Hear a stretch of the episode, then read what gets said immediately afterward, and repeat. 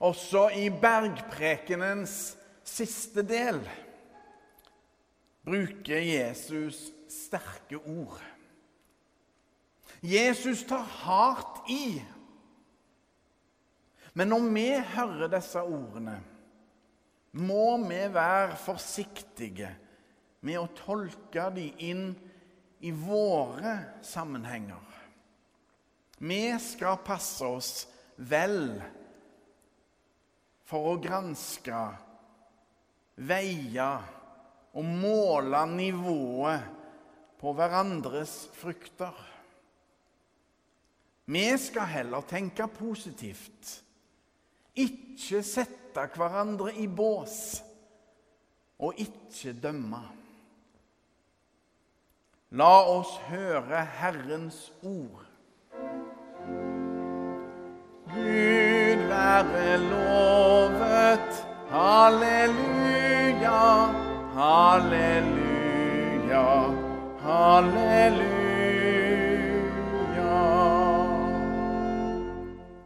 Det står skrevet i evangeliet etter Matteus.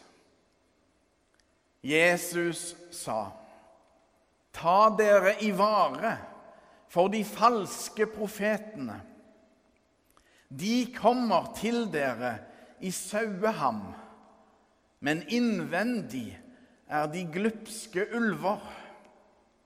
På fruktene skal dere kjenne dem. Plukker man druer av tornebusker eller fiken av tistler? Et godt tre bærer god frukt. Et dårlig tre bærer dårlig frukt. Et godt tre kan ikke gi dårlig frukt. Og et dårlig tre kan ikke gi god frukt. Hvert tre som ikke bærer god frukt, blir hugget ned og kastet på ilden. Derfor skal dere kjenne dem på fruktene. Slik lyder det hellige evangelium. Gud være lovet. Halleluja, halleluja, halleluja.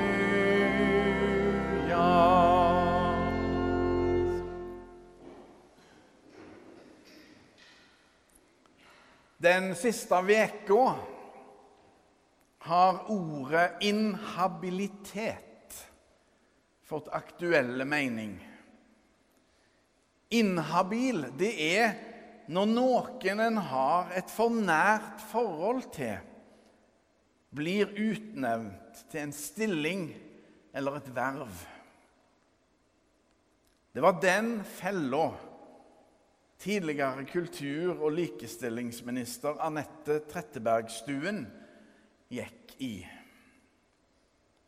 Og måtte ta konsekvensene av det og gå av som minister. Bærer jeg god frukt? Du og jeg kan håpe det for egen del. Men vi er inhabile til å svare på det spørsmålet. Gud får svare. For vi kan ikke svare. Det blir for nært innpå livet. Jesu advarsel dreier seg om ikke å forvrenge bildet forvrenge bildet av Gud og Jesus. For da bærer vi dårlig frukt. Vår tids store løgn er at Gud ikke fins, eller ikke betyr noe. Likegyldigheten til Gud er de falske profeters mantra.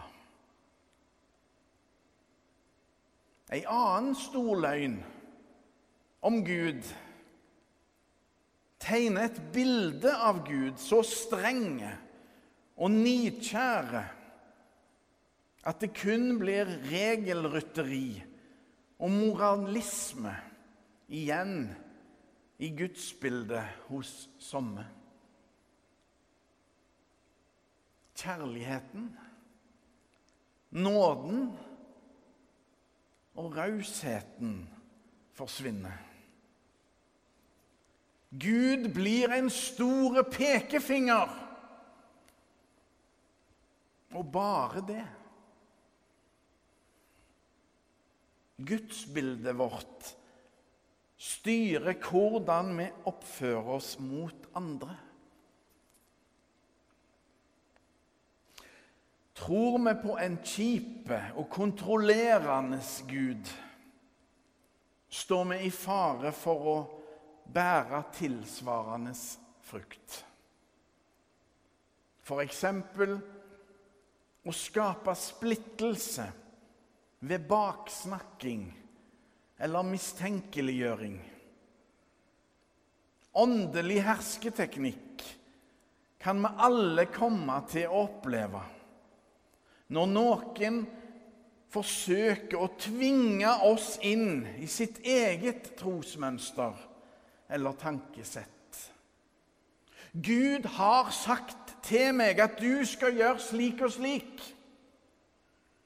Har vi hørt den? Eller Vi ber for deg.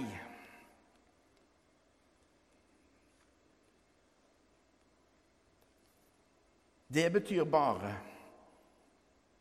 at du skal slutte deg til våre meninger eller våre prinsipper. Jeg har sagt det før, og jeg sier det igjen. Mye dumt er sagt og gjort i Jesu navn. Det er totalt respektløst overfor både Gud og mennesker. Falskhet, det er hva det er. Ulv i fåreklær kaller Jesus de. De som toner falskt flagg. De som utgjør, utgir seg for å være gode, sanne og ekte, og ikke er det. De taler usant om hvem Gud og Jesus er, og hvem vi er. Med sin falskhet bidrar de til å ødelegge og rive ned. De falske profetene taler usant om Kristus og oss. Felles for de alle er at de snakker ned både Jesus og oss.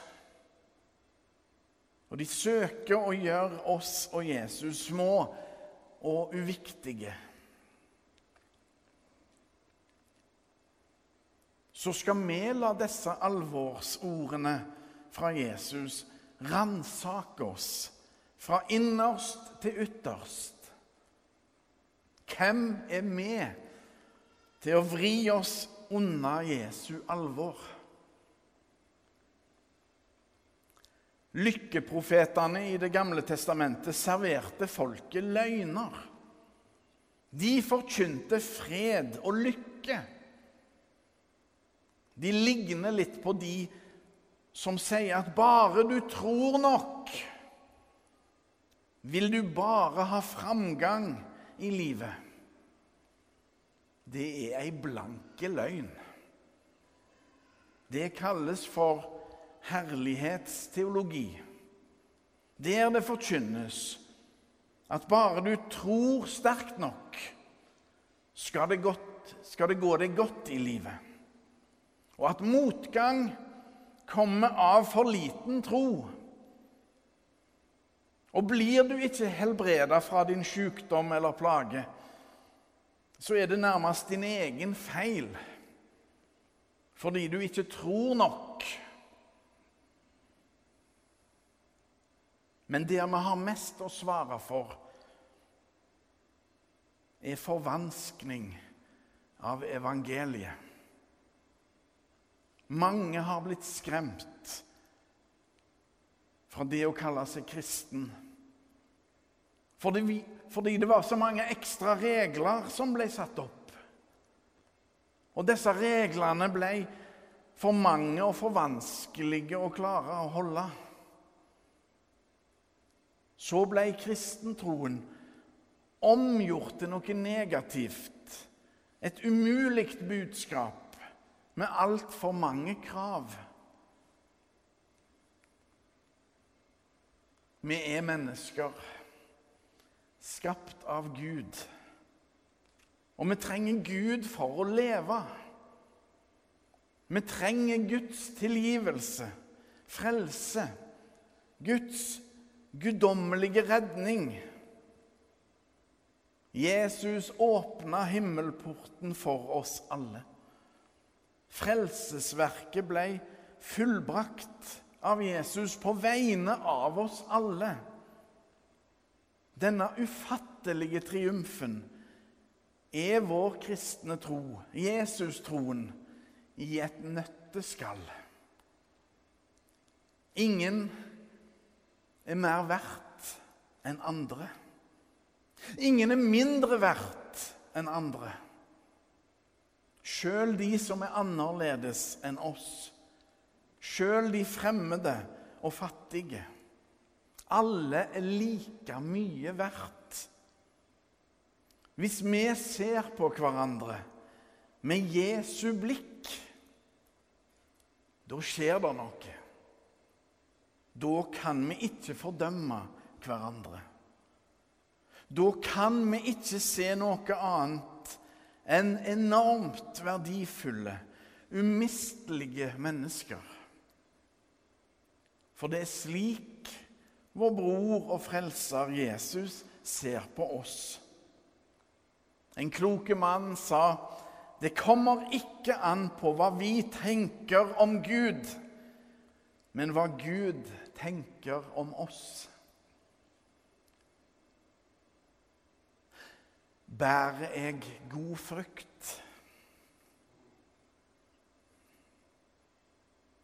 Vår Herre Jesus viste oss hvordan Gud er, og hvem Gud er. Jesus er et tre som kun bærer god frukt. Hans frelsesgjerning er i seg sjøl en frukt av et tre, av korsets tre. Men når han har det som verst i sin lidelse, ber han for sine fiender. For de vet ikke hva de gjør. Forlat dem, far. Hans skjebne er kirkas skjebne. Den lidende tjeneren sin skjebne er vår skjebne.